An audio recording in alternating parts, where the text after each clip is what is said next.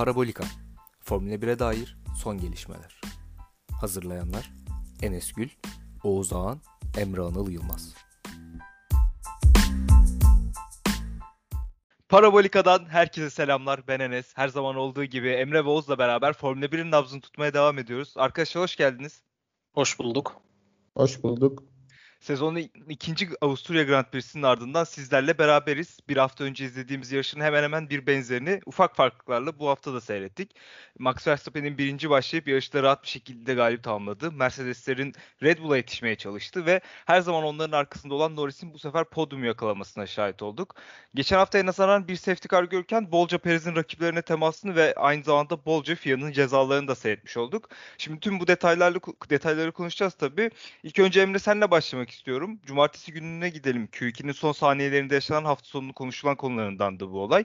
Ee, iyi bir tur zamanıyla gelen Alonso'nun önüne çıkan trafik ve orada en arkada bulunan Vettel'in onu engellemesiyle hafta sonunun ilk cezası Vettel'e gitmiş oldu. Ee, tabii sonradan izlediğimizde önünde bulunan Bottas'ın da bir hayli yavaşladığını gördük ama FIA'dan sadece Vettel'e bir ceza geldi. Senin e, değerlendirmelerine başlayalım.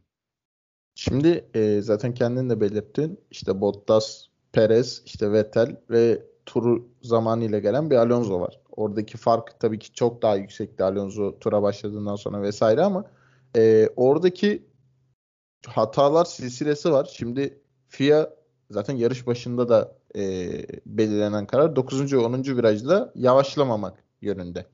Yani tura başlarken oralardan mümkün olduğu kadar hızlı bir şekilde geçilmesi gerekiyor.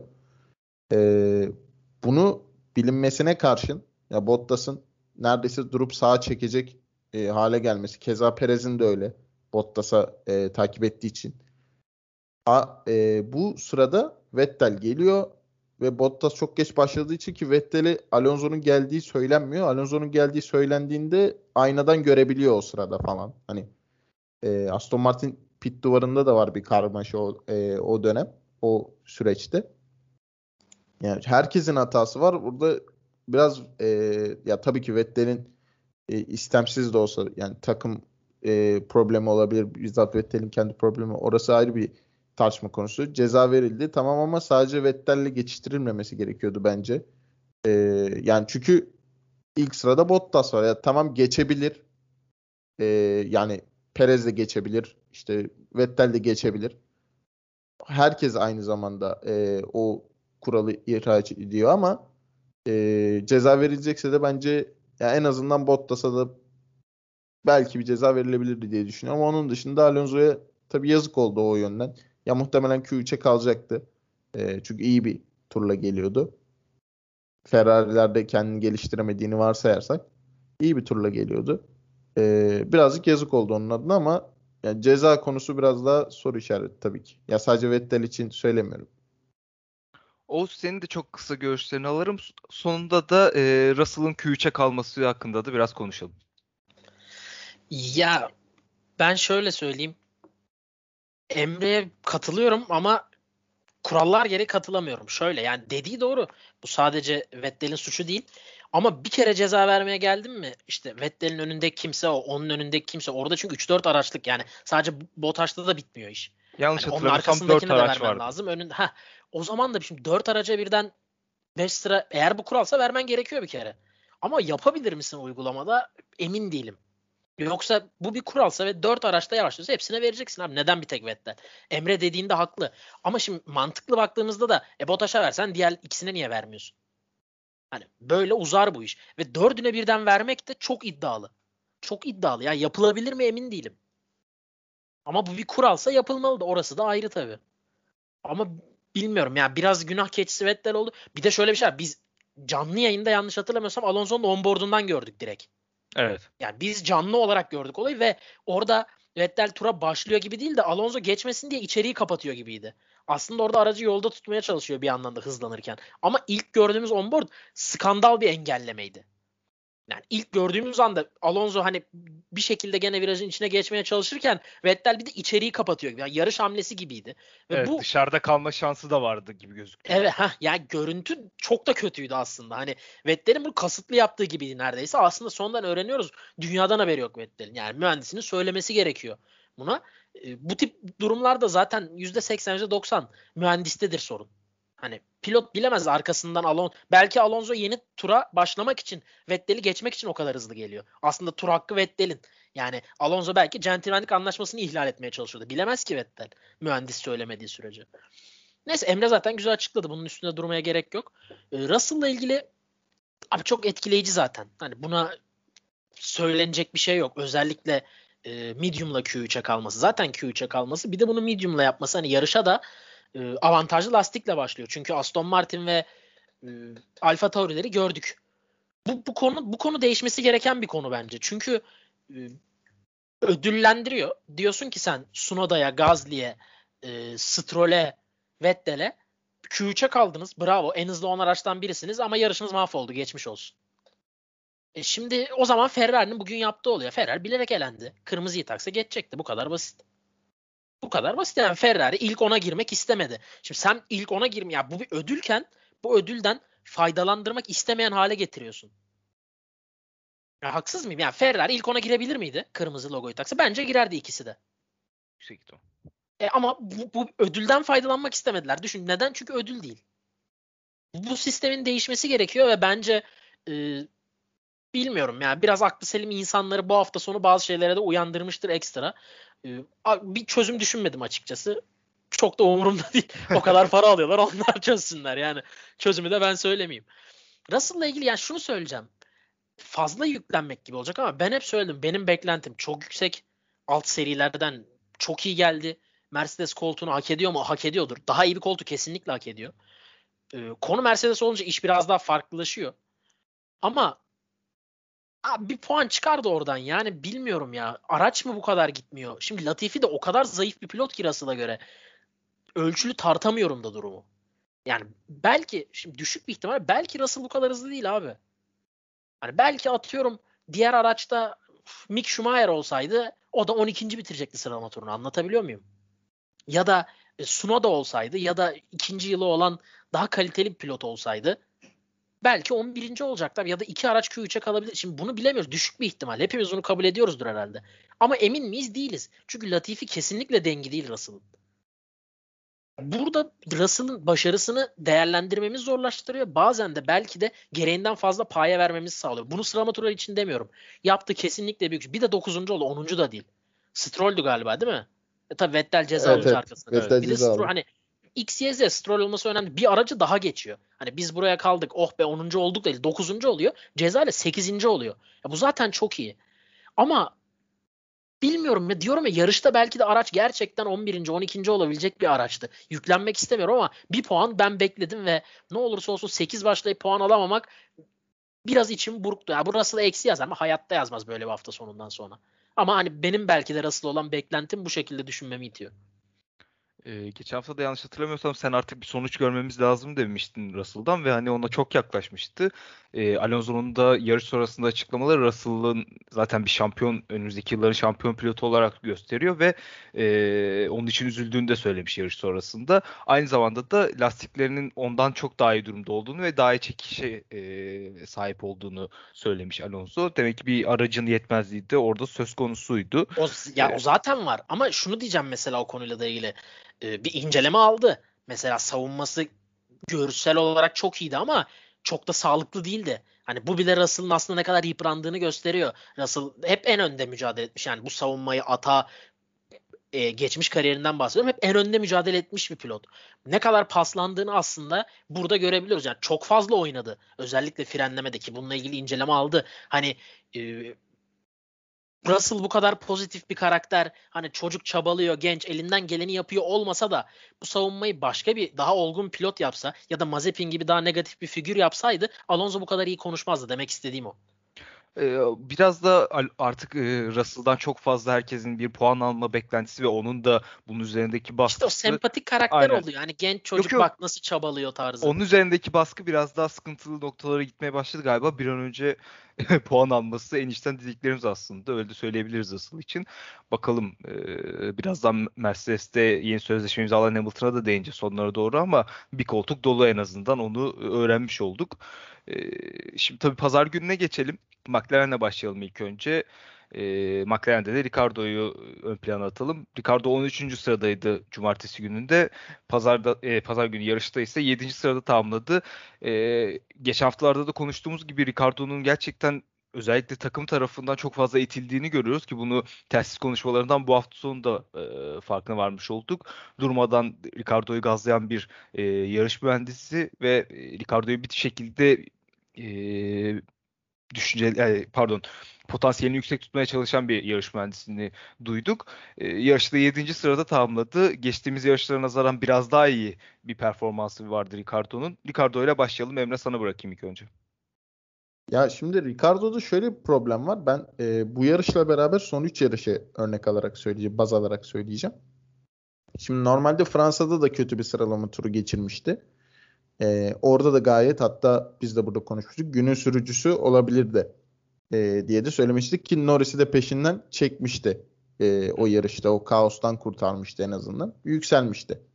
Geçen haftaki Avusturya yarışı yine e, kötü bir sıralama performansı. Yine yükseliyordu ama orada bir küçük bir e, güç ünitesi problemi yaşadılar. E, ve ondan sonra performans, performans tamamen stabilize kalmaya başladı. Ne gelişti ne çok azaldı. E, bir yükselme gerçekleştiremedi.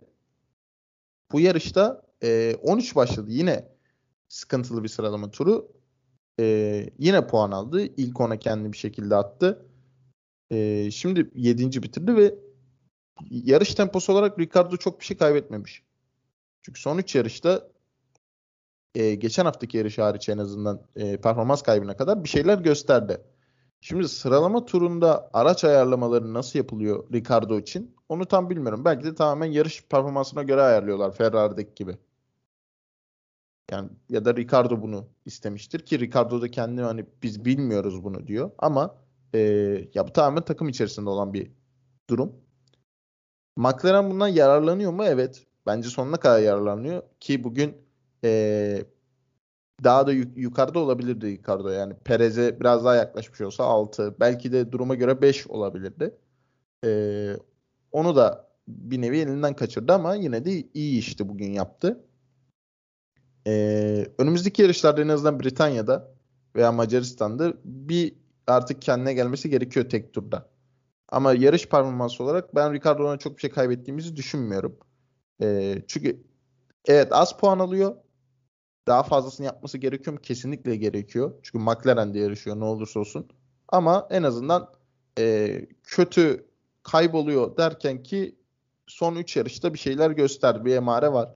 O yönden artı. Lando Norris zaten e, Emre Norris'i en son geçelim istersen. Okay. Ona ayrı bir parantez açalım. Tamam. Çünkü ben... Oğuz'dan da bir Ricardo dinlemek istiyorum. Ee, tamam. Oğuz sen de Emre de değindi aslında tek turlara. Ee, onunla ilgili bir şeyler söylemek istiyorsun. Oradan devam edelim istersen. Ya program öncesinde size de hani kısaca değindim. Şimdi Sunoda'nın sezon başındaki hali ortada. Ben benim beğendiğim pilottu. Hala da arkasındayım. Olacağını düşünüyorum bu gridde. Ama sezon başındaki hali o dağınık hali ortadaydı. Bu yarış özelinde Gazli'nin bir sıra arkasında. Farklar zaten çok kapalı. Farklara girmeyeceğim. Hani 6-7. olmayı başardılar. Ee, aynı şekilde Vettel de Stroll'den biri hep sallantıda olabiliyordu. Q1'de elendiklerini bile çok gördük. Onlar aynı şekilde 8-10. Ee, e, Perez'i gördük artık ön taraflarda. Ee, sezon başındaki gibi dağılmıyor. Hamilton, Bottas zaten yıllardır sıralama turları arasında çok net bir fark yok bu iki pilotun. E, arka tarafta da öyle neredeyse durumlar. Hani Alpin burada ekstra ve zaten Russell Latif farkına da hani az önce de anlattım. Fakat Norris ve Ricardo gibi ya zaten Ricardo çok iyi bir pilot. Bu seneyi değerlendirmezsek bu sene iyi bir iş çıkardığını söyleyemeyiz. E, Norris'in potansiyeli zaten ortada ne kadar iyi bir pilot oldu. Bu iki pilotun bu kadar farkı olması mantıklı değil. Ya bu araç farkı da hani biri yarışa hazırlanıyor, biri a, e, sıralamaya hazırlanıyor da diye. O zaman Norris'in de yarışlarda düşmesi lazım.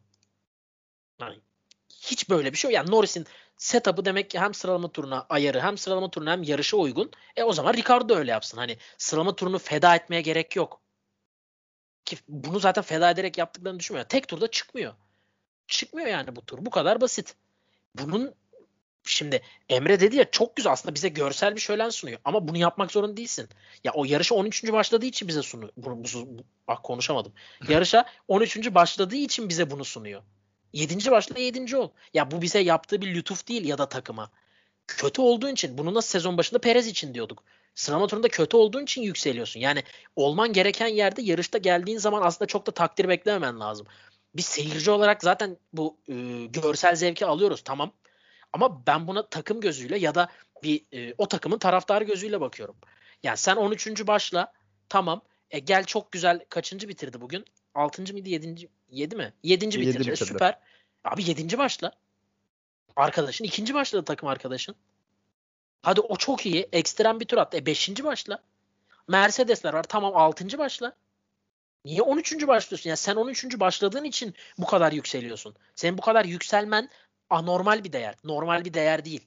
Anormal geride başladığın için. Yani sen Russell olursun ve her yarış geride başlayıp sürekli böyle 4-5 kişi geçiyorsundur. Biz seni överiz. Çünkü araç yok ve sen bir çabanla yapıyorsun. Abi senin aracında var.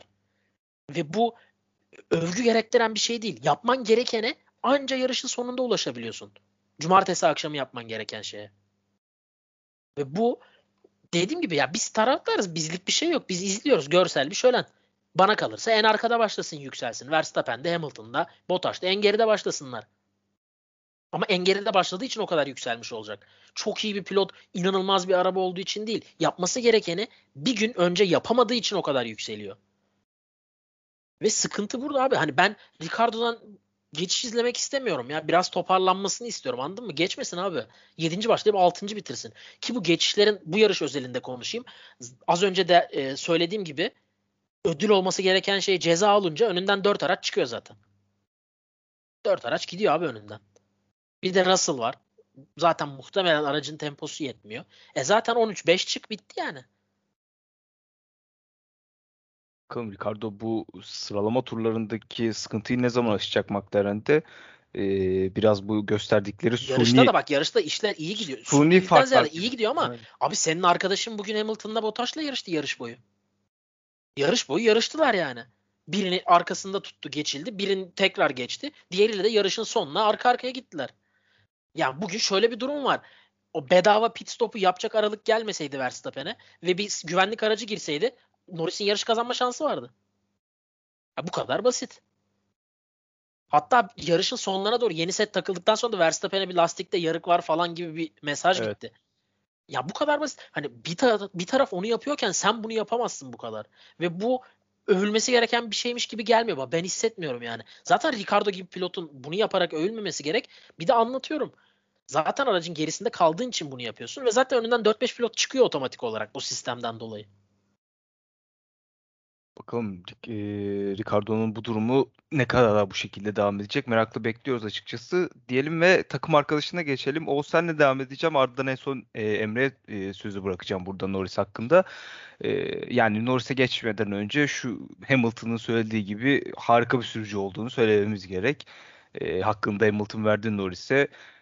İlk başlarda yaşadığı Perez'le teması bir, teması bir kenara bırakırsak ardından e, Hamilton uzun süre arkasında tutması ona iyi bir direnç göstermesi e, ve yarışı da 3. sırada bitirip bu sezonki 3. podyum mu oluyor? Şu an şey yaptım.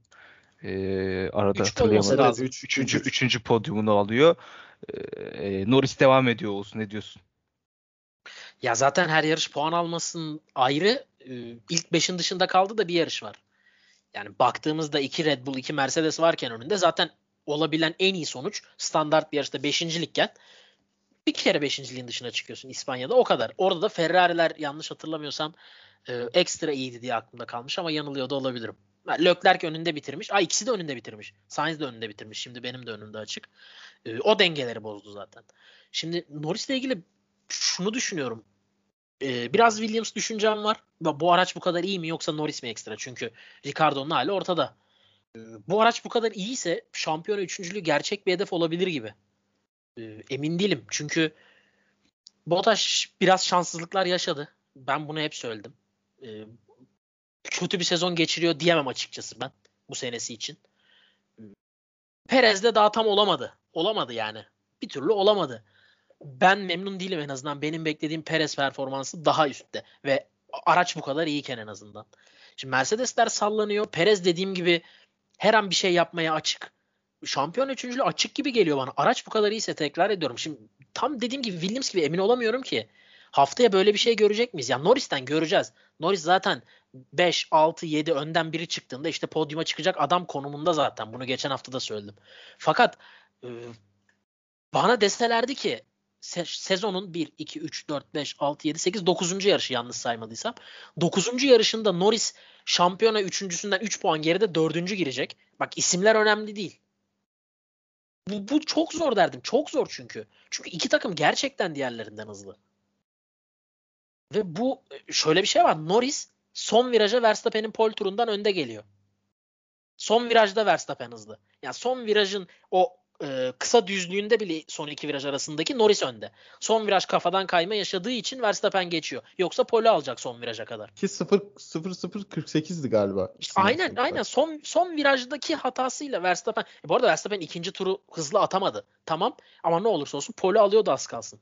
Ya bu çok ayrı bir boyut. Bilmiyorum yani şimdi şampiyona üçüncülüğü hedefini koyup e, Norris'i de zor durumda en azından kendi kafamdaki değerlendirmede bırakmak istemiyorum ama bu gördüğümüz McLaren, bu gördüğümüz Norris yani neden olmasın? Emre sen neler söylersin? Ee, hem Norris'i değerlendirelim sonunda da Perez'le yaşadığı e, temasla da geçelim. Ya şimdi e, daha büyük bir nokta var. Her yarışta puan alması ayrı bir e, güzellik. Geçen seneninki aldığı puanı şimdiden geçti. Yani 97 ile bitirdi geçen sene. Şu an 101 puanı var. E, yani bu bile ne kadar gelişim gösterdiğinin e, açık bir ispatı. Şampiyona üçüncülüğü konusunda ya ben olabileceğini düşünmüyorum. Tam kendi fikrim. Çünkü e, Bottas tamam şu an e, bence beklenen o kadar veremiyor.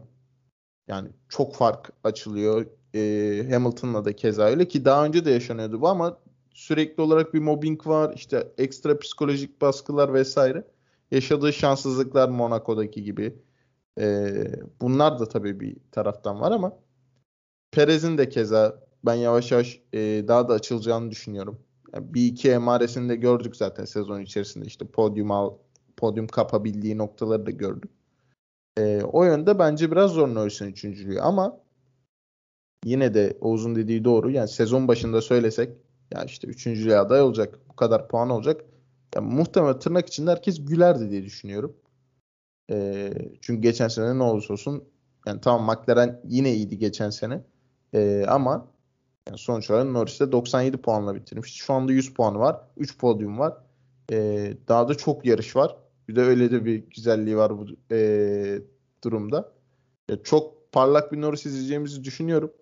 E, yarış galibiyeti alır mı? İşte öyle bir durumda. Ya bence zaten e, aldığı podyumlardan daha çok belli. Yani bir şey olduğu zaman üst sıralarda genelde hep orada oluyor Norris. Ee, Azerbaycan'da da keza aslında bundan yararlanabilirdi ama Azerbaycan yarışında çok bence e, kötü bir Norris vardı. En azından o yarış için söyleyeyim. E, tekrar böyle bir durumlar olduğu sürece yani yarışta kazanabilir yani. O yönde bir performans da görüyorum ben. E, ben de şöyle bir şey eklemek istiyorum. Biraz daha Emre gibi düşünüyorum ben de. Çok fazla üçüncülük zor gibi gözüküyor çünkü hem önünde şu an Sergio Perez arkasında da Valtteri Bottas var ne olursa olsun. Ee, ama sezon sonunda onların arasında bu şekilde şu an olduğu konumda girse bile onun için çok büyük bir başarı zaten. Bunu hepimiz biliyoruz. Ee, biraz da ilerleyen yıllar olarak düşünüyorum. Ee, şimdi Russell, Verstappen, Leclerc e, bu üçü şampiyonluk adayı pilotlar. Yani ileride şampiyon olabilmesi beklenen pilotlar. Ve bu üçü aslında 23 yaşında. Aralarında Lando Norris de buraya eklersek e, kendisi 21 yaşında. Grid'in en küçük pilotlarından bir tanesi Sunoda ile beraber e, yanlış bilmiyorsam. E, yani önünde daha çok uzun bir süre var ve şu an olabileceği e, şey e, olabileceği en iyi takımlardan bir tanesinde yarışıyor bence. E, McLaren takımı hem geçmişiyle olsun hem şu anda yenilenen ve e, üzerine koyarak devam eden bir takım olsun. Hani şimdi düşünüyoruz geç, geçtiğimiz programlarda da konuştuğumuzda hani Norris nereye olur? Mercedes'e de olabilir. Başka bir yere olur mu? Perez giderse e, Red Bull olur mu ki çok zor ihtimal tabii bu ama hani konuşulabilecek noktalardan bir tanesi. E Ferrari şu an Leclerc Sainz'da zaten orayı tutturduğu için çok fazla oraya o, Ferrari ihtimali gözükmüyor gibi. Yani şu an aslında baktığımızda McLaren onun için en büyük e, en, en iyi takımlardan bir tanesi gibi gözüküyor. Bunu çok iyi kullanıyor. Çok iyi kullanmaya da devam edecek gibi gözüküyor. Sözleşmesi de var zaten hala. E, ilerleyen yıllarda Mercedes mi olur, başka bir takım mı olur bilmiyorum ama benim Verstappen'i şu an bir kenara koyarsak şu an zaten şampiyonluğun en büyük adaylarından bir tanesi. Yani bu diğer genç nesil arasında mesela Leclerc de geçtiğimiz sezon iyi bir performans göstermişti ama bende Norris'in Norris'in bende yarattığı etki kadar çok fazla yaratamadı açıkçası. Şimdi Russell'ın önümüzdeki yıllarda hangi takıma geçeceği yani Mercedes'e ne zaman geçeceğini de bilmediğimiz için yani Norris'i ben bu genç pilotlar kategorisinde e, artık en önde görmeye başladım. Zaten Oğuz sen daha öncesinde de görüyordun muhtemelen. Ama beni yarış üzerinde, pist üzerinde etkileyen pilotlardan olmaya başladı diyebilirim Norris için. Ee, bir tabii sonra sana şöyle bir şey söyleyeyim. Heh. Norris'le ilgili. Şimdi saydığın iki takımdan e, Red Bull'a gidemez. Birincisi Red Bull evet. istemez. İkincisi evet. Red Bull ve Ferrari de. Ferrari de istemez bu arada. İkisi de tek süper yıldızla çalışan takımlar. İkisi de şu an süper yıldızını buldu. İkisi de süper yıldızını kendi akademisinden yetiştirdi. Bu takımlar akademisinden pilot yetiştirmeye daha çok devam ediyor. Ve bu takımlara dışarıdan girmek, özellikle Red Bull'a girmek çok zor. Perez bu yaşında olmasa Perez de giremezdi ya da geçen sene o performansı göstermesi. Sözleşme yenilememiş olması da orada etkisi var tabii. Ha ya bir de boşa çıktı tabii. Ya yani şöyle bir durum var hani Vettel'le anlaşmasalar olmayacaktı. Hani Doğru. devam edecekti Aston Martin'de. Doğru. Şimdi burada Mercedes'in tek kapı kalmasının bir de şöyle avantajı var. Şimdi tamam Russell gelecek diyelim Bottas yerine. E, Hamilton iki sene sonra gidince ne olacak? Mercedes'in alttan çok kuvvetli pilotu gelmiyor. Şimdi Ocon çıktı denklemden zaten. 2-3 ee, tane pilotları var ve çok kuvvetli gelmiyorlar açık söylemek gerekirse Mercedes Akademisi'ndeki pilotlar. Şu aşamada yani 2 yıl sonrası için. Daha küçük yaşlarda var ama 2 yıl sonra yetişmezler. Burada şu var. Norris üstüne koya koya geldi geldi geldi. Şimdi seneye McLaren nasıl bir halde olacak bilmiyoruz. Ama seneye bu şartlar devam ederse daha fazla üstüne koyamaz. Yani Tabii yapabileceğim bunun daha üstü şey. yok. Tabii şimdi Doğru. McLaren seneye en hızlı araç olur. Bilemeyiz. Seneye kimin ne olacağını hiç kestiremiyoruz. McLaren en hızlı araç olursa London olursa dünya şampiyonu olur. Ya da McLaren en kötü gelişmiş araç olursa atıyorum işte Haas'la beraber en arkada olurlar. Bunu bilemeyiz. Ama benim dediğim tam da Mercedes değer açılmışken böyle bir hamle yapılabilirdi bence. Çünkü bu Norris'in yükselişi içinde geldi geldi geldi geldi. Şimdi Russell da gitgide iyiye gidiyor ama göremiyoruz ki. Yani geçen sene 14. olurken bu sene 12. olması örnek veriyorum. Sana bir somut veri vermiyor anladın mı? Tamam iyiye gidiyor. Bunu hepimiz tahmin ediyoruz, görebiliyoruz ama böyle, böyle bir yükselme yok. Şimdi burada Norris için sıkıntı bu olacak. İş tekrara bindi mi? Ya seneye de burada döneyim. Bir sonraki sene de burada döneyim. İşte Hamilton'ın 2 yıl kontratı var. Dediğim gibi diğer takımlar zaten çok ihtimal dahilinde değil. McLaren'in de en hızlı takım olmadığını düşünürsek, olmayacağını düşünürsek, olursa zaten sıkıntı yok. Aynı yerde iki yıl daha dönüp durmak bilmiyorum iyi gelir mi? Ya iyi gelmeyeceğini düşünüyorum da çözümü nasıl olabilir daha doğrusu onu bilmiyorum diyeyim. Biraz nasıl aslında buradan çıkabilir. Düştüğü durumda yani denk geldiği dönemde sıkıntılı Norris için burayı nasıl yönlendirecek kendi açısından veya diğer takımlar burayı nasıl değerlendirecek? McLaren elindeki bu nimeti nasıl kullanacak? Bunlar tabii çok büyük soru işaretleri. Ama dediğin gibi e, Formula 1 takımları dahil bizlerde bundan sonraki sezon e, takımları nasıl olacağını çok kestiremiyoruz açıkçası yeni kurallarla beraber. Ee, bakalım yani inşallah Norris için daha hayırlısı olur diye düşünüyorum. Çünkü ben onu hem pist dışındaki işte Twitch yayınları olsun oralarda da takip eden biri olarak ve pistte yaptıkları sonrasında verdiği röportajlarda konuşmaları, eğlencesi, neşesi e, çok farklı ve şampiyon olarak çok iyi bir yerde görüyorum onu. İnşallah öyle de olur diyelim. Tabii yarışın başlarında Perez'le de bir teması vardı. Orada Perez'in daha doğrusu Perez'in bu yarışta çok fazla teması vardı. Perez'e geçelim e, buradan. Hem e, Norris teması, orada aldığı 5 saniyelik ceza, ardından Leclerc'le yaşadıkları. E, o senle devam edelim. Perez'in bu hafta sonu nasıl değerlendiriyorsun? Biraz sıkıntılı bir hafta sonuydu onun için. Ee, ilk olaydan başlayayım çünkü bence ilk olay biraz daha derin bir olay.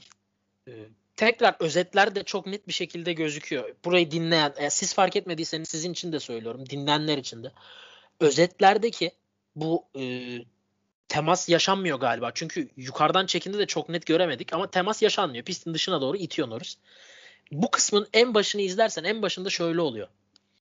Bak aynı Alonso e, Vettel'de gördüğümüz gibi. Ben Alonso ile birebir neredeyse aynı tepkiyi verdim. Ya ne yapıyor bu adam dedim. Yani kimse Vettel olduğunu anlamadım. Hatta size de söyledim. Hangi Aston Martin'se diye. Hı-hı. Orada şimdi burada söyleyemeyeceğim bir kelime de kullandım. yani dedim ki ne yapıyor abi? Yani bir de onboard görüyorsun ya. Burada birebir aynısını yaşadım. Ee, Perez pistin dışından geçti Norris'i. ilk virajda. Norris bunu doğal olarak fark etti. Perez de ya gücü yetmedi ya öyle tatlı yerini geri verdi ki o temasın yaşandığı düzlüğe kadar yan yana gideceklerdi zaten. Ve Norris bunu anladı. Ya şimdi e, Perez o yerini geri verdikten hani böyle arkasına düşüyor gibi olduktan sonra geri geçtiğinde yerini vermiş sayılacaktı. Hani burası kurallara uygun kağıt üstünde gözükecekti ama Norris'in adaletine göre gözükmeyecekti. Ve arka düzlüğü döndükleri andan itibaren ben Norris'in e, Perez'i dışarıdan pistin dışına iteceğine adım kadar emindim. Ya bu yaşanacaktı eğer Perez oraya girerse. Girdi de yaşandı da. Bunun tek nedeni Norris'in kendi adaletini kendi sağlama düşüncesi. Çünkü pistin dışından Perez geldi yanına kadar. Yani o avantajı aldı oradan hız avantajını ve öyle bir kombinasyon var ki oradan aldıktan sonra kazanın olduğu yere kadar bu avantajı sağlayabiliyorsun. Yani sen dışında kal Norris'in o üçüncü viraj diye geçiyor. Aslında pistteki gerçek ikinci viraj. Hı hı. Orayı döndüğünde zaten o ivmeyi tekrar yakalayabiliyorsun dışarıdan geldiğin için. Ve o düzlükte tekrar hava koridoruna girip tekrar dışarı içeri fark etmez. Çünkü o virajda hem dışarıdan içeriden geçmek mümkün. Ve bu %100 Norris bunu yapacaktı. Yani o dışarıdan gelip benim yanıma geldiği için bu avantajı sağladığı için ben bırakmayacağım diyecekti. Ve %100 söylüyorum doğru bir ceza. Hani hem Horner orada biraz aman bir şey yok falan ayağı yaptı. Norris de şaşırdı. Abicim sen daha önce bunu Verstappen'in iki startı için de söylemiştim. Sen yanında bir araç yokmuş gibi yapamazsın. Yapamazsın yani. Bu kadar basit. Bu kadar iddialı. Kimse kimseye geçemez. Herkes birbirine çarpar. Bu serbest olsun. Kimse kimseye geçemez. Niye geçecek? Nasıl geçeceksin beni? Tak diye üstüne kırarım. İçimde misin? Yoksun kardeşim sen orada. Üstüne kırarım çarpışırız. Bugün şey gibi olur. Ee, Raikkonen Vettel gibi olur. Anladın mı? Orada bir istem yok ama hepsi öyle olur. Geçemezsin beni. Hah geçemiyorsun. Madem sen yokmuşsun gibi davranabiliyorum ben. Bu kesinlikle ceza ve bunun daha e, ince elinip sık dokunması lazım. Şimdi Perez'in diğer temaslarına gelirsek abi ikisinin de bir açıklaması yok. Yani ilkinin zaten ilki pistin dışına itmek değil. İlkinde vuruyor. Net. Sonra devam ediyor bir de. Yani hani ilkinde böyle ay görmedim değil Norris'in yaptığı gibi veya Perez'in ikinci yaptığı gibi değil. İlkinde baya hani itiyor dışarı sonra da devam ediyor. Kapatıyor da üstünü. Ya temas da var. Diğer ikisinde temas yok. Ki Leclerc saniye... de sordu zaten araçta hasar var mı diye peşine. E tabii canım ya çok net temas var çünkü. Şimdi ben şu, ben şuradan fikir. İlki 5 saniye. Evet bitti. Zaten çok incelemediler bile. 2 tur sonra mı ne verdiler? Bu Perez Norris gibi de olmadı. Şimdi ben şunu anlayamıyorum. İkincisi neden 5 saniye? Şimdi geçen hafta tam oraya değinecektim ben de. %100 bak, geçen hafta bahsettiğim Perez e, şey Gazli Leclerc gibi kesinlikle istek yok. Leclerc'in böyle bir şey yapabileceğini tahmin bile etmiyor. Bilerek yaptıysa e kardeşim yarışı önünde bitirdi mi? Bitirdi Perez Leclerc'in. E bilerek yaptıysa ikisinde. Bilerek yani sen beni geçemezsin diyor abi adam. Ve sen futbolda bile ayağına bastın sarı kart bir daha bastın sarı kart güle güle diyorlar. Baskette bile küfür ettin teknik foul bir daha ettin teknik foul güle güle. Ya aynı hatayı yaptın mı başka bir cezası yani sen herkesi engelle kardeşim. 5 saniye 5 saniye vereceğiz biz sana. Bu olmaz. Doğru değil. Ya adamın kendisini geçmesini birinde temaslı birinde temassız iki kere engelledi ve yarışı önünde bitirdi. Bu kabul edilebilir bir şey değil. Yani adamı attı dışarı. Adam sonra geri yakaladı. Bir daha attı. bu sefer tam kopamadı zaten. Fakat sonra aldı gitti başını. Hani bu şey gibi benim lastiklerim ısınana kadar ben pistte kimseye geçilmeyeyim. Herkesi iteyim dışarı. Zaten ısınınca ben 10 saniyeye alır giderim. Burada durum bu değil ama sen yarın öbür gün bunu da düşünebilirsin. Bir yaptırım olmuyor ki 5 saniye alıyorsun. Sürekli aynı. Hareket aynı. Aynı kişiye aynı hareket yapılıyor defalarca. E, ceza da aynı. Hiç artmıyor. Bir artış göstermiyor. Mantıklı değil. Doğru değil. 3 ceza da doğru. Norris'inki de doğru. Hatta burada sıralama yaparsak ya zaten Perez'in ilk yaptığında temas da var. Çok ayrı bir şey. Daha sonra Norris'inki daha sonra Perez'in ikinci teması. Yani Norris'inki daha da net Perez'in ikinci temasından aslında. Ama bu bilmiyorum biraz uzattım. Emre de konuşsun konusunda ama çok mantıksız abi. Defalarca yap aynı hareketi. Defalarca yap yani. Sürekli 5 saniye. Bir artış yok cezada. Çok çok ilginç. Bu Norris'in kendi adaletini sağlama fikri de bundan bile geliyor olabilir. Yani bu adam buradan geldi. Beni bu tokatlayacak iki viraj sonra ve hiçbir şey olmadan yoluna devam edecek. Bu psikolojiyle itti dışarı. Bundan adım kadar eminim. Ya keşke sorabilsem Norris'e bunu. Adım kadar eminim. İzleyin zaten siz de göreceksiniz. Oradan beri başlıyor. Norris kafasına koyuyor. Yani beni bu adam böyle geçemeyeceği kafasına koyuyor ve işi öyle bitiriyor. Norris ayarında pilotun ay ben Perez'i görmedim ve yarışın daha bu turunda. Yani sıra e, güvenlik aracından sonra yarış yeni başlamış. Bir tur yarım tur yan yana gitmişsiniz. Belli ki oralarda biri var ya içinde ya dışında. Herkes her yerde çünkü. Hani Raikkonen Vettel gibi Aa, yarışın son turu sen nereden çıktın değil olay yani. Zaten pilot olarak beklersin. Ama ya bilmiyorum. Biraz da işte bu dengesizlik belki Norris'i oraya etti. FIA'nın cezalardaki tutarsızlığı. Ee, Oğuz'un söylediklerine ek bir iki açıklamaları da Horner'ın ve Perez'in açıklamalarını da söyleyeceğim. Ardından Emre sana öyle bırakacağım sözü. Horner garip bir şekilde Oğuz senin gibi düşünmüyor. Norris'in burada ceza almamasının gerektiğini söylemiş ve o, o temasın e, yarış yani bu bir yarış e, şeydi yarış içerisinde olan bir olaydı. Bunun bir ceza olmaması gerektiğini söylemiş. Ne kadar bunu samimiyetiyle söyledi bilmiyorum açıkçası Horner'ın. Çünkü ya hani keşke aynısını Pere... Hamilton Albon için de söyleseydi o zaman. Heh, aynen. Hem onu söyleyecektim hem de Perez'in biraz daha ciddi bir e, zarar gördüğü senaryoda neler söylerdi onu da merak ediyorum açıkçası. E, Perez de e, çok Ya da fazla... şöyle düşün Verstappen olsaydı bu birincilik mücadelesi için. Evet daha farklı açıklamalar yapardı orada. Perez'in de açıklamaları Norris üzerinden, Norris'le yaşadığı olay üzerinden. E, Norris'le yaşanan olay birinci turdaydı. O bundan kaza almadan kurtulabildi. Ancak bir sonraki sefer bu çok farklı olabilir tarzında bir e, söylemi de olmuş. Tehdit görevi. Evet. Leclerc konusunda da e, Leclerc de bu yarıştan sonra bunu konuştuğunu ve çok üzgün olduğunu böyle bir pilot olmadığımı aslında onu da ona da söylediğini e, söylemiş yarış sonrasında. E, aynı zamanda şey mimleri de çok fazla dönmeye başladı. Hemen yarışın ardından Schumacher'in meşhur McLaren garajını basması. E, o Leclerc'in de o şekilde Perez'in yanına gitmesi falan çok böyle meme oldu Twitter'da. E, bunların üzerinden Emre senin yorumunu da alalım Perez'in bu, bu haftaki performansı için. Ben e, Norris Perez'le alakalı söyleyeceğim. İşte Hamilton Albon'u Oğuz söyledi. Ya zaten o virajda biri ya eskaza çıkmasın dışarı.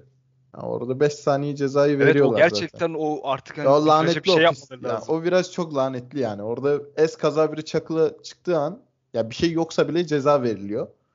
Ee, öyle bir nasıl söyleyeyim dengesizlik var orada ya. Orada bir kuralların hafiften e, onanması gerekiyor. Şimdi Perez Leclerc'e geliyorum ben. Abi Perez'den bakıyorum açıklanacak hiçbir şey yok. Ya bir izahatı yok. Ya şu yüzden yaptım diyemiyor. Şimdi kuralsız bir PlayStation oyununda gibi ya. Yani şimdi ben geçen hafta sarıyorum filmi. Şimdi Leclerc günün sürücüsü seçilmişti. En çok geçiş yapan isimdi. Galiba 11 geçiş yapmıştı. Ee, yanlış hatırlamıyorsam. Leclerc geçişlerin hepsini nerede yaptı abi? Aynı virajda. Aynı virajda. Ve bunu yapmasının tek bir sebebi var. Ferrari düzlükte geçemiyor. Ya Ferrari bu sezon genelinde bakın Azerbaycan, işte Fransa, Portekiz hepsine bakın. Düzlükte DRS'yi alıp önüne geçtiği bir tane ya da iki tane sahne vardır maksimum. Geri kalanlar hep virajlarda geçiyor çünkü Ferrari virajlarda daha hızlı. Şimdi yani Leclerc geçebileceği tek şey bu. Adam oradan geçebiliyor. Geç, yapmasın mı geçiş o zaman? Ya bekleyin mi desin. Araçtan maksimum performansı almaya çalışıyor her takım. O zaman bu adam engelleyecekse FIA için söylüyorum. O zaman bu adam niye yarışıyor? İşin bir de o boyutu var. Şimdi, hadi orada ki bence çok büyük skandal. Ya öyle bir itiş temas ben çok yani çok az vardır herhalde. Bilerek kasti vurduğunu düşünüyorum ben. Ya belki ağır da olabilir bu söylem ama. Yani çünkü abi aynı şekil geçen sene 2020'de de oldu. Bottas ve Verstappen yan yana döndüler. George Russell Alonso bugün kaza yapılan iki virajda da yan, yan yana döndü. Leclerc'in pist dışına çıktığı iki yerde de yan yana döndü. Dönülebiliyor. Şimdi ilki 5 saniye tamam ceza kabul. Abi ikincisi ya Oğuz'un dediği orada çok doğru. Yine mi 5 saniye? Ya bu adam denemesin mi viraj çıkışı geçiş yapmayı? Bu mu? Yani sen bir yaptırım uygulaman gerekiyor. Yani geçebileceği tek yer var. E, Sainz da Ricardo'yu hemen hemen aynı yerde geçti ki Ricardo'nun da lastiği bitmişti. Ona rağmen zorlandı yani. E, Leclerc'in yarışı bitmiş oldu. E, zaten Çakıl'a iki kere girdi. Lastikler bitti zaten. Daha da yetişemedi Ricardo'ya. Ki zaten sonra Sainz'e yol verdirttiler. Ki Sainz geçti sonra. Son turda. Ya bir de ben sürekli her geçiş yapmaya çalıştığımda çakıla çıkmak zorunda mıyım? Var mı böyle bir şey? Yani yani şey Alonso'nun Rosberg'e bağırdığı gibi bağırayım mı? İşte her zaman boşluk öyle mi yapayım şimdi yani? Ya bu çok basit bir kural. Ya aynı yani zaten biz Alonso Russell'ı herhalde 3 dakika izledik son 3 turda. Ama iki virajda da iki kazanın gerçekleştiği virajda da ikisi yan yana döndü abi. İkisi de birbirine yer verdi. Alonso iki kez dünya şampiyonu. George Russell da şampiyonluk adayı diyebileceğimiz bir pilot. Ki biri Williams'da yarışıyor, biri Alpine'de yarışıyor. Daha düşük seviye takımlar Ferrari ve Red Bull'a göre. Yani ne olmasını bekliyor ki? Yani ikinci niye 5 saniye? Ben dur kalk bekledim. Yalan yok yani. Herhalde bir pite sokarlar. Bir kendine gel. Bir kafayı topla falan diye. Yani Norris'in olayına mı takıldı artık?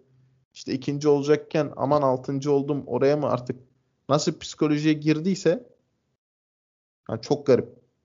Yani ben ee, ya bu yarış özelinde daha böyle farklı kararlar alınması gerektiğini düşünüyorum. Zaten FIA artık ezbere bağladı. Yani Sunoda'ya 5 saniye verdiler.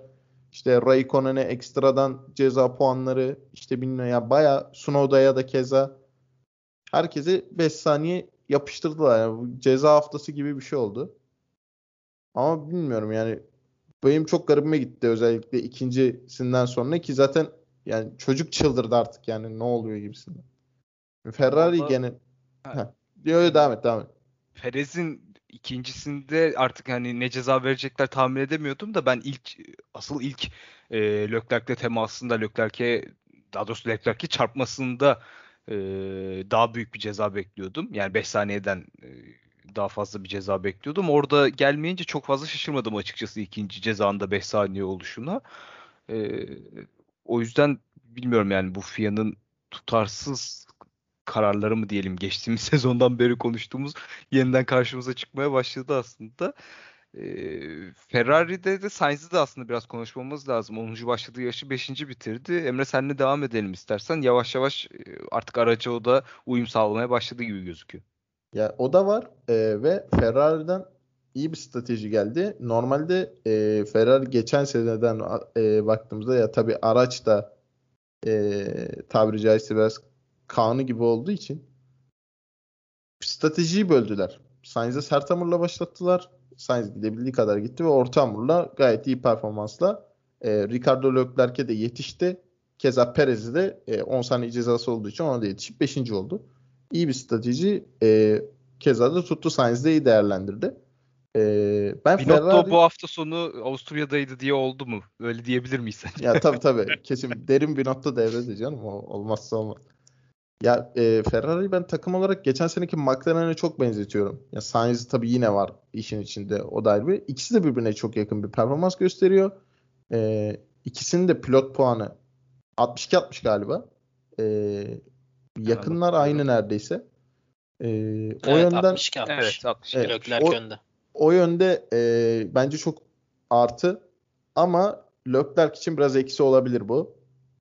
Sonuçta aynı olması. Yani Ferrari biraz şampiyon adayı olarak bakıyor. Yani süperstarı Leclerc olarak düşünürsek bu denklemde e, böyle olması biraz daha eksi yazabilir Leclerc tarafına ama sonuçta e, Ferrari'nin bu sene amacı bir şampiyonluk vesaire değil. Ne kadar yukarıda bitirebilirse o kadar e, başarı elde etmek şu an için işler iyi gidiyor. Sainz'in Ferrari'ye bu kadar adapte olacağını en azından erken seviyede yani 9. yarış bitti.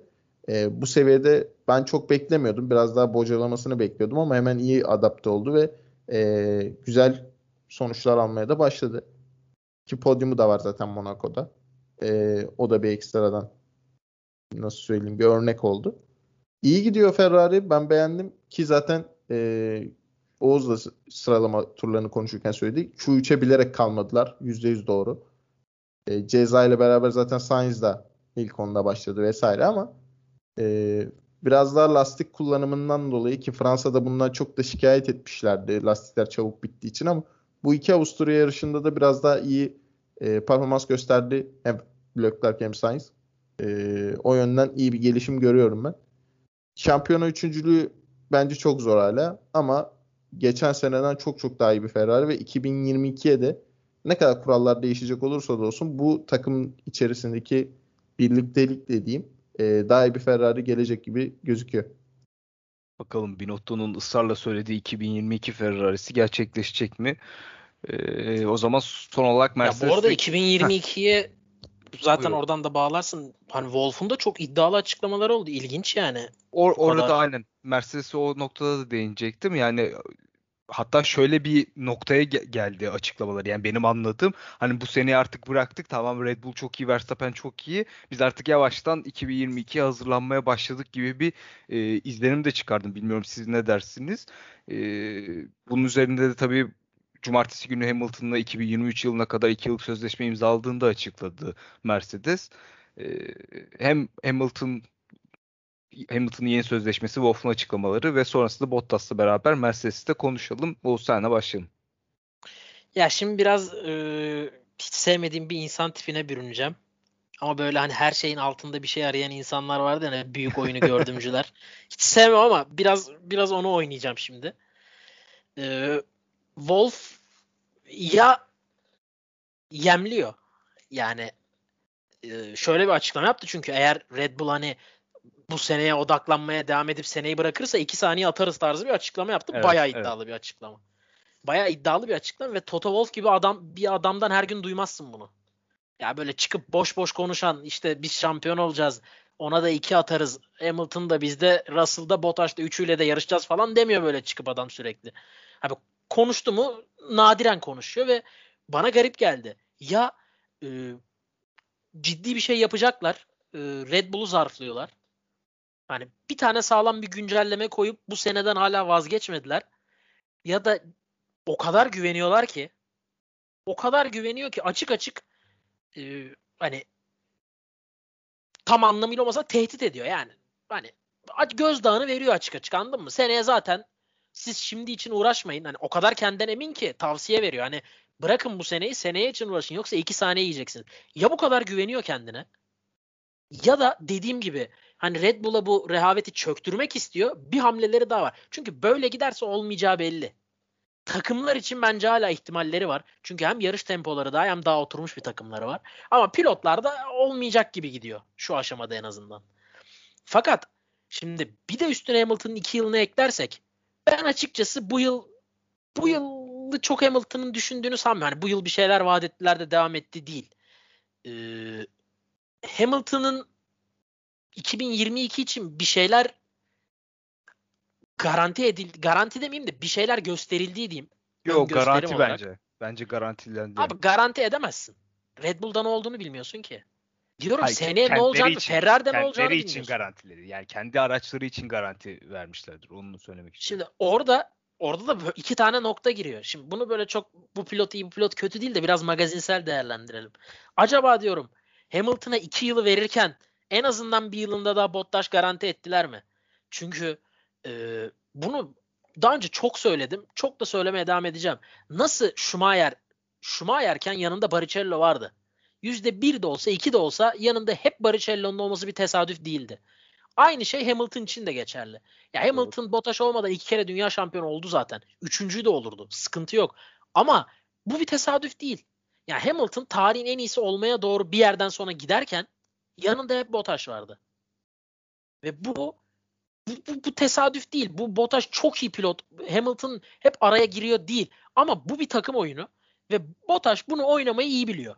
En azından Mercedes de biliyor. Belki başka yerde oyna. Perez yerine geçse beceremez belki de. Russell geçse ne olacağı belli değil. Ne olacağı belli değil bunu insanlar özellikle Hamilton'dan nefret eden çok büyük bir kesim var Türkiye'de ve hani korkuyor gelince geçileceği yoruyorlar ama bu dediğim gibi bir takım oyunu. Hamilton geçer Russell'ı ya da geçilir önemli değil ama Russell bir olmazsa Russell bir ben birinci pilot olacağım. Ah ben şampiyon olabiliyorumu gördüm deyip işleri bir anda tersine çevirirse bir anda Rosberg Hamilton'a dönerlerse Hamilton biliyor ki kafa kafaya giden bir şampiyonda bu artı olmaz eksi olur şampiyonluk için bir de Russell'ın iddiası olması Hamilton'a eksi olur bu. Bu Russell gelir beni geçer. Aa bu çok iyi pilottan farklı bir şey konuşuyorum şu an. Bu bir takım oyunu ve Hamilton'ın Hamilton bu işi başarabilecek.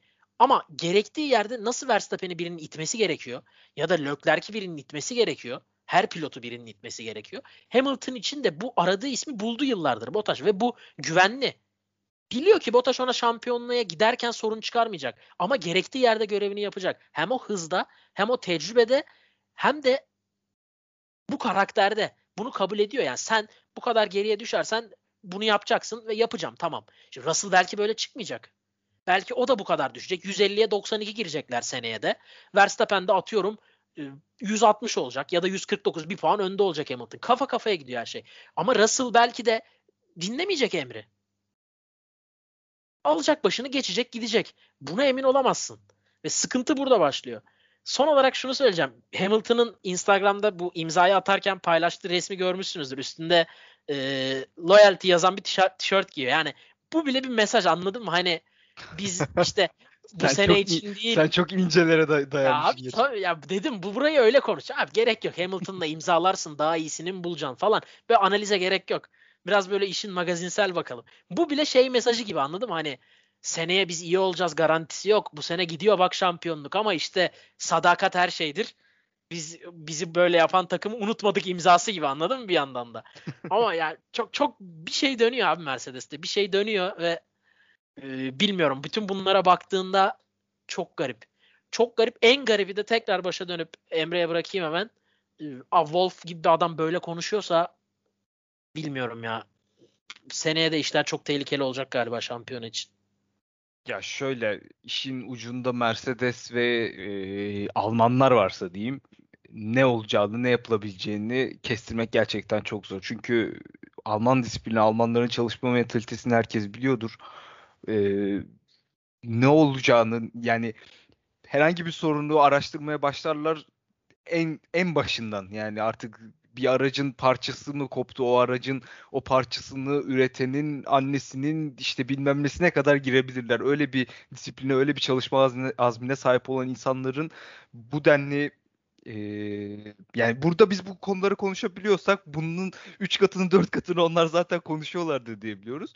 Bu e, bu düşünceleri bize de bizim hakkımıza gelmesinin bir sebebi de bu sezon başında Netflix belgeselinde izlediğimiz Horner Toto Wolff kapışması ki e, o belgeseli değerlendirdiğimiz programda biz bile ne kadar şaşırdığımızı burada söylemiştik Horner'la Wolff'un arasında hem bu kadar ciddi bir rekabetin hem de bu kadar iyi bir e, arkadaşlığın olmasını.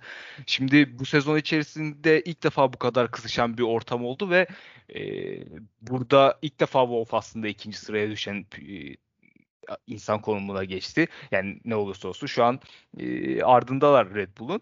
E, Wolf'un bu noktada oynadığı oyunlar, oynayabileceği oyunlar daha doğrusu bunları izlemek çok keyifli. Bir yandan da senin de söylediğin gibi bir sürü spekülasyonları ortaya atıyor. Bir sürü düşünceleri ortaya atıyor. Ee, ama sana şey konusunda Hamilton'ın Bottas ikilisini bu şekilde devam ettirme konusunda %100 katılıyorum. Wolf'un açıklamaları konusunda hala emin değilim. Gerçekten il, önümüzdeki sezon için bir e, zarf mı atıyor Red Bull'a yoksa bu sezonda bir şekilde kurtarmaya mı çalışıyor? Bence zarfı atıyorsa bu sene için atıyor. Önümüzdeki sezon için atmıyor. Yani önüm ya bu hani önümüzdeki sezon Hayır, zaten önümüzdeki sezona kafa gerçekten kafaya çok ciddi mi e, yani Heh. araçtan çok emin mi bu kadar? Yani çünkü Red Bull'un da ne yapacağını bilmiyoruz. E, bu kadar emin olması çok doğal değil. Yani bu bu söylemleri kesinlikle bu sezon içerisinde Red Bull'u bir şekilde yıldırmaya çalışmak. Çünkü pist üzerinde sadece Red Bull'u e, bu şekilde geçemeyeceklerini anlamış durumdalar. E, ellerinde bir koz var. Kesinlikle var. Bu bu şekilde devam etmeyecektir Mercedes'te. Ama emin değilim tabii ki e, Red, Mercedes'in Wolf'un açıkladığı kadar önümüzdeki sezon net bir, şey, bir araca, net güçlü bir araca sahip olup olmadıklarını. E, bilmiyorum Emre sen ne dersin bu konular üzerinden? Ya bence güncelleme gelecek bu sene Mercedes'e. Yani sezon ortasında da daha önce de gördük yani geçen hafta da konuştuk. Çok geride oldukları zaman da gayet öne geçebiliyorlar yaz arası geldiği zaman. Yani çokça örneği var. İsteyen de bakabilir yani. Ee, ben şampiyonlukta bu kadar kopabileceğini düşünmüyorum Red Bull'un. Bence hala yakın geçecek ama şu an tabii bir yarış farkı olması işte Mercedes'in bu kadar dağınık gözükmesi e, ayrı bir soru işareti 2022 göstermesi ama şurada bir pürüz var. Red Bull Mercedes'in motorunu yapan 4 mühendisi kendi bünyesine kattı. Evet. Şimdi o konuda baktım ya tabii ki her şey motor değil. Motor önemli bir e, unsur ama işte aerodinamik açısından şasi geliştirmesi vesaire bunlar da çok önemli. Ama burada zaten Mercedes'in takım bünyesinden özellikle Red Bull'un ki şampiyonlukta şu anki zaten en büyük adayı ki ikisi beraber e, rekabet ediyorlar. Arada şu an Ferrari vesaire de yokken e, Red Bull'un bu gücü Mercedes'ten alması ayrı bir soru işareti. Yani 2022 tamam iyi bir işaret. Herkes zaten 2022'de en iyi olmayı planlıyor ki e, 2022'de kuralların ne kadar değişeceğini de herkes biliyor ama burada Mercedes'in iddialı konuşması yani beni çok inandırmadı. Yani ben 2022'de işte geleceğim 2 saniye fark atacağım. Ya o tamamen biraz daha böyle işte Red Bull'u yıldırma çabası gibi bir şey. Yani yapıyorsunuz ama 2022 var. Hani onu da düşünün gibisinden bir açıklama olduğunu düşünüyorum. Çünkü e, ne Mercedes'in ne Red Bull'un Ferrari gibi bir hedefi yoktu. Yani biz 2022'de böyle olacağız diye yola çıkmadılar. Hep önümüzdeki sene nasıl oluruz gibisinden biz genelde kısa vade planlaması oluyordu. Ee, o yüzden yani çok bir şey diyemiyorum o konuda. Yani gör, göreceğiz tabii ki ama ben yaz arasından sonra Mercedes'in daha da yaklaşabileceğini düşünüyorum. Ee, Hamilton'la sözleşme mevzusu ya Mercedes demek ki projede bir şeyi ikna etmişler. Çünkü e, bu sene başında imzalamadan önce parada anlaşamıyorlardı. İşte ben 50 milyon istiyorum. İşte Daimler 40 veriyor. Sponsor bu kadar veriyor. Ya orada çok kargaşa vardı. Şimdi e, sözleşme tutarını, meblağını tam şu an bilmiyorum ama bu kadar en azından 2 yıllık daha ekstra olması bir şeyleri ikna etmişler gibi gözüküyor. Bu Oğuz'un dediği gibi Bottas olabilir veya işte George Russell'ı tekrardan belki Mercedes bünyesi Hamilton'la beraber çalıştırmak istiyordur. Ya ee, biz de bilmiyoruz. Belki Hamilton da Russell'ı istiyor. Yani Bottas'ın şu an hevesi kırılmasın, ihtiyacı var diye geçiştiriyor. Belki her fırsatta diyor ki abicim gönderin şunu çocuk taş gibi iş çıkartıyor orada falan diye bilmiyoruz aynen. ki yani.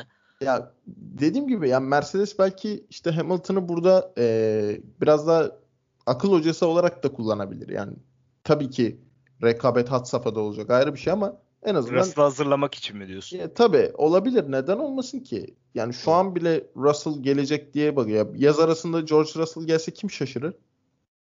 Ben çok az bir azınlık olacağını düşünüyorum. Yani o yönden bence e, biraz daha ona yönelik olarak düşünüyorum ama bu tabii ki yani Lewis Hamilton işte 7 kez dünya şampiyonu daha iyisini mi bulacaklar kısmı zaten artık orası şey yani onun üstüne kimse bir şey söyleyemez de. Ben biraz da o e, bu tarafa yönelik olduğunu düşünüyorum. E, yani Mercedes için yani hiçbir şey bitmiş değil. Şu an fark ya takımlar şampiyonasında da biraz daha durum artık kopmaya başladı gibi ama orada da biraz da Perez'in işte bir öyle bir böyle olması. Keza Bottas'ın da e, o şekilde olması orada hala bir kesinlik göstermiyor. Pilotlarda da keza öyle ama e, yarışın en azından ya, puan farkının bir yarışlık olması biraz soru işareti ama dediğim gibi yaz arasından sonra her şey daha da belli olur Mercedes için. Bakalım bu bu konu ilerleyen dönemlerde, ilerleyen haftalarda nasıl şekillenecek meraklı bekliyoruz. Ee, ilk defa herhalde Verstappen'e hiç değinmedik. O yüzden çok bir, bir soru sorarak Verstappen'le ilgili de görüşlerinizi almak istiyorum. Ee, şu an e, pilotlar şampiyonasında 32 puanlık bir fark açmış durumda ve hani bir yarışta tökezleme şansları var aslında Red Bull'un öyle bakabiliriz bu duruma. Verstappen'in şu anki durumuyla şampiyonluk şansını 1 ile 10 arasında puanlamanızı isteyeceğim sizden. Oğuz ilk önce sana sorayım. Şu, şu böyle kalacak mı sezon sonuna kadar? Yok böyle değil. Öyle yani bir soru sordun ki böyleyse 10 zaten. Hayır şu an senin bu bundan yani şu aşamada 10. bundan sonra devamında ben düşüncen Ben yani. çok önceden de söyledim. Emre'ye %100 katılıyorum. Ben Mercedes kesinlikle bir adım atacak. O adamın boyutunu görmek lazım. Şu aşamada bak bu bir yarışlık fark var ya hiçbir şey. Tabii canım. Mercedes adımı atıp en hızlı araç olduğu anda zaten 1-2 olacaklar. E her yarış 10 puan alacaksın. Anladın mı? 3 yarışta kapatacaksın zaten. Ki Verstappen'in her yarış 3. olabildiği ve bir puanı Hamilton'ın almadığı bir senaryodan konuşuyoruz. Hani bu o yüzden gerçek anlamda hiçbir şey ifade etmiyor şu 32 puan. Ama böyle devam ederse zaten açıkçası bir yarış olmuyor ön tarafta. Yani bu Avusturyaların biraz ekstra olduğunu düşünüyorum. Bir nebze. Çünkü Fransa'da gördük biraz akıllı olsa Hamilton kazanacaktı yarışı Mercedes tarafı. Ya da zaten ondan önce daha bir eşitlik vardı. Azerbaycan'da da e, Verstappen kazanacaktı ama biraz daha yakın bir yarıştı. Perez ve Hamilton özelinde özellikle. Hadi Red Bull'a yakındı. Hatta ilk pite kadar Hamilton öndeydi yanlış hatırlamıyorsam. Pitte lastik ısıtamadıkları için Verstappen geçmişti. Aklımda öyle kalmış. Yanılıyor olabilirim. Ee, ya şu aşamada böyle devam ederse dediğim gibi 10. Mercedes adım atarsa 4-5 falan. Mercedes'in biraz gelişip kafa kafaya olduğunda da bir 7.5-8 diyeyim. Yani zaten 32 puanın avantajıyla o da. Kafa kafa eşit araçlar olduğunu düşünürsek. Emre sen ne dersin? Abi bu spor öyle bir spor ki ya böyle olduğu zaman ya kanayan yaramdır. 2018 Almanya geliyor aklıma ya. yani şimdi orada da böyle büyük avantaj vardı vesaire ama ya bu kadar büyük değil ama belki de. o sadece küçük bir başlangıç gibi düşün Emre. Geri evet, kalanında evet. hiçbir şey yapamadı ki zaten Vettel. Yani ya evet. O olmasa bile şampiyon olamayacaktı. Ama o bir e, kar evet, topunu ateşledi. başladı diyelim. Yani Aynen fitil öyle. ateşledi. Ee, o da olabilir. Ya Verstappen'in başına gelebilecek bir durum ama ben şunu e, hesabı katıyorum. Bence 5 şu an Verstappen'in şampiyon olma şansı. Şimdi neden? Şimdi Mercedes'in atak yaptığını varsayıyorum. Ki Red Bull bu demek değildir ki Red Bull eli kolu bağlı mı duracak? Yani tabii ki güncelleme gelecek ama e, Mercedes diyelim ki biraz daha yaklaştı. Ama Emre sana şöyle sorayım. Bir Hı-hı. şey gireyim araya. Sen şöyle hissetmiyor musun? Araç 10 üzerinden şu an 10 gibi Red Bull'da. Yani daha bir şey evet. şey ekleyemezler gibi. Ama Mercedes 7-8 gibi anladım. Hani bir şey Hı-hı. daha eklenebilecek çok şey var. Ekleyemiyorlar gibi. Ya ben öyle hissediyorum. Senin de hep bu paralel gittiği için öyle hissettiğini düşünüyorum senin de bu konuda. Yani ya evet. sanki Red Bull çok daha bir şey koyamaz. Zaten maksimum gibi araç. Ya zaten e, Bottas'la Verstappen'in işte sıralama turunda bir simülasyonu vardı. İşte ikisinin yan yana koydukları grafik olarak gösterdikleri çekiş olarak düzlükte mesela Red Bull çok iyi virajlarda biraz Mercedes kapatabiliyor orayı ama düzlükte uçuyor e, Red Bull tarafı. Ya ben şuraya değineceğim. E, Hamilton'ın Verstappen'le neredeyse eşit bulunduğu denklem. Yarış yani sezonun sonlarına doğru geldi. Bas, baskı kimin üzerinde olur? Verstappen. Yani ne kadar kaldırabilecek? Bir de şöyle düşün. Eğer hayatta ilk defa böyle bir şampiyonluk puandan geri geldiğini düşünürsek daha da artacak Verstappen'deki baskı. Hani küçük çaplı bir geri dönüş gibi olacak Hamilton'ın şu aşamada yavaş araç ve pilot gibi gözüktüğü için. Yani ki ben şunu da söylüyorum. E, Hamilton'ın 7 kez dünya şampiyonu olmasını geçtim. Ya bu zaten apayrı bir şey de. Hamilton psikolojik olarak da böyle durumlardan çok iyi çıkabilen bir isim. Yani Azerbaycan'da belki Monaco'daki o kepazeliğin ardından tırnak içinde eli çarpmasa fren ayarına kazandı belki de. Monaco'da şans... da kendi biraz toparlamaya çalıştı bir nebze yine yarışta. Ya orada da pit duvarı yedi hafiften. Orada. Orada da biraz pit duvarı da yedi yarışını. Hani daha da yukarıda bitirebilirdi. Ee, yani bunlar da göz önünde var. Yani İtalya'da tamam, mı ya da Portekiz'de miydi yanlış hatırlamıyorsam. İtalya Imola'da orada Imola'da. da bir kaza yaptı. İşte Ardından döndü ikinci oldu. Geldi. Aynen. Ee, ya çok onun da var tabii ki böyle ama devamında sürekli olarak üstüne bir şeyler katıyor. Şimdi bu yarış da kötü. İşte araç hasarı aldı Hamilton'ın vesaire. İşte Verstappen sorunsuz e, geçti. İşte en hızlı tur puanını da aldı. Yani ekstra pit yaptı Verstappen. Ya biz bunu geçen sene Mercedes'te görüyorduk. Ya 30-40 saniye fark oluyordu. Hadi bir pit daha atayım hızlı tur için falan öyle o rahatlıktaydı. Ee, ya olası senaryoda işte beraber eşit girdikleri durumda ya Oğuz'da çok işler değişir. Yani Verstappen ilk kez Hamilton'la bu kadar çetin mücadele ediyor. Yani öncesinde de tabii ki hep Red Bull zorluyordu işte 2018'den sonra işte 2019'da da keza Ferrari biraz vardı ama son iki yıldır Red Bull zorluyor. E, geçen sene şampiyonluk adayı bile değildi Verstappen. Çok çok düşük ihtimalde. E, sezon başladıktan sonra gördük bunu ama burada sezon sonuna kadar yani ben 5 diyorum şu an. Yani bu, bu şekilde devam ederse uzun dediği gibi 10 tabii de. E, Hamilton yetişirse oradaki baskıyı Verstappen'in nasıl kaldıracağı önemli. Hamilton kaldırır. Yani Hamilton şampiyon olamazsa başarısızdır. Olması gerekir dersin. Ama döner bakarsın 7 kere olmuş bir, bir kere de olmayı versin diyebilirsin. Ama Verstappen için son şans belki de. Ee, şaşıracaksınız belki ama benim de puanlamam 4 bu noktada. Hatta 3 bile diyebilirim. Onun nedeni de aslında siz de. Totem. Totem değil. Totem kardeşim seninki ya. ya Allah aşkına. Totem değil. Totem sıfır, değil şöyle. Sıfır. Leclerc'in daha fazla şampiyonluk şansı.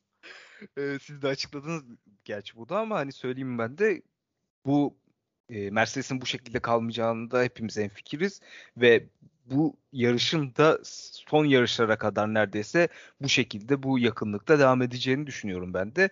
Bu son dönemeçlerde Verstappen'le ilgili bu buraları nasıl atlatacağını bilmediğimiz için ve Hamilton'ı da bildiğimiz için e, hala Verstappen'i net bir şekilde favori olarak göremiyorum. Yani araçlar eşit olduğu noktada bile e, Hamilton her zaman doğal olarak da aynı zamanda favori gibi gözüküyor bende. Ben de 4 diyeceğim o yüzden. Ee, teşekkür ederim sizlere. Uzun bir program oldu ama dolu dolu bir program oldu diyebiliriz. Dinleyenlere de çok teşekkür ederim. 3 hafta ard arda yarışın ardından 2 haftalık araya giriyoruz ve ardından Silverstone'la beraber e, tekrardan sizlerle birlikte olacağız diyelim. E, biz dinlediğiniz için teşekkür ederiz. 2 hafta sonra görüşmek üzere. Hoşçakalın. Hoşçakalın. Hoşçakalın.